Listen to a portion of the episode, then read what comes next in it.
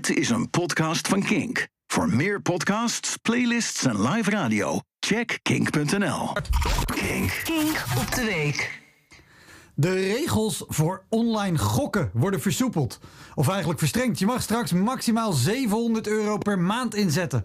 En wil je meer uitgeven, dan moet je aantonen dat je dat verlies kan leiden.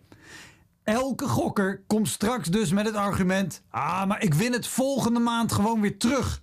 En dat gaan ze elke maand weer proberen. Wedden?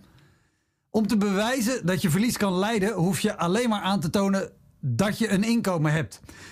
Als je dat bedrag aan een hypotheek wil uitgeven, omdat je liever zelf wat vermogen opbouwt dan huur betalen, is alleen een loonstrookje echt niet genoeg.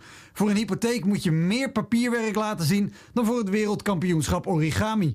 Wat trouwens een extreem teleurstellend WK is. Je krijgt niet eens een echte medaille, maar alleen een oorkonde, gevouwen in de vorm van een medaille. En het is makkelijker om je inkomen aan gokken te besteden dan aan een woning. Als je starter bent, is de kans op het winnen van de jackpot groter dan de kans dat je überhaupt een woning vindt. Maar toch. En die verstrenging is nog niet definitief. Want eerst mogen schuldhulpverlening-experts zich er nog over uitspreken. En natuurlijk de gokbedrijven. Want gokbedrijven hadden er best veel op ingezet dat mensen meer gingen uitgeven dan goed voor ze is. En de kans dat de regels strenger worden is klein. De gokindustrie vindt bij demissionair minister Weerwind, die erover gaat, namelijk niet alleen een luisterend oor, er staan ook altijd een microfoon en 4000 watt aan speakers voor ze klaar.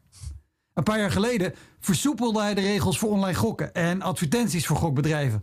Dat zou beter zijn om gokverslaving tegen te gaan, volgens de gokbedrijven.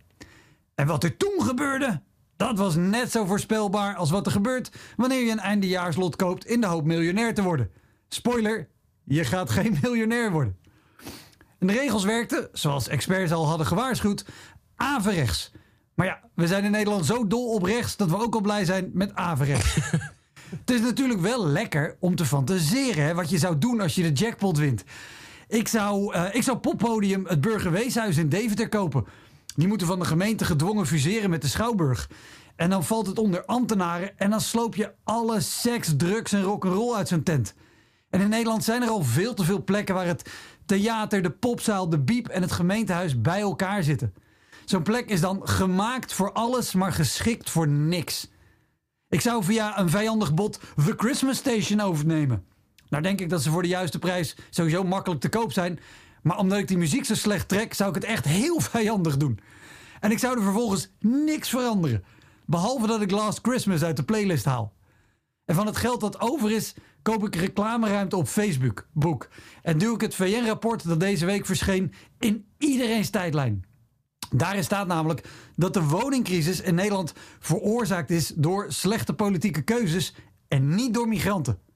In datzelfde rapport staat ook dat de opvangcrisis in Ter Apel komt door slechte politieke keuzes en niet door migranten. Dat kost me vast meer dan 700 euro per maand en ik win er niks van terug. Maar als Facebook dan wil zien dat ik dat verlies kan leiden, laat ik gewoon mijn staatslot zien. Bedankt voor het luisteren naar deze Kink-podcast. Voor meer podcasts zoals Kink Fast, De Kleedkamer van Joy of More Than a Feeling, check de Kink-app of kink.nl.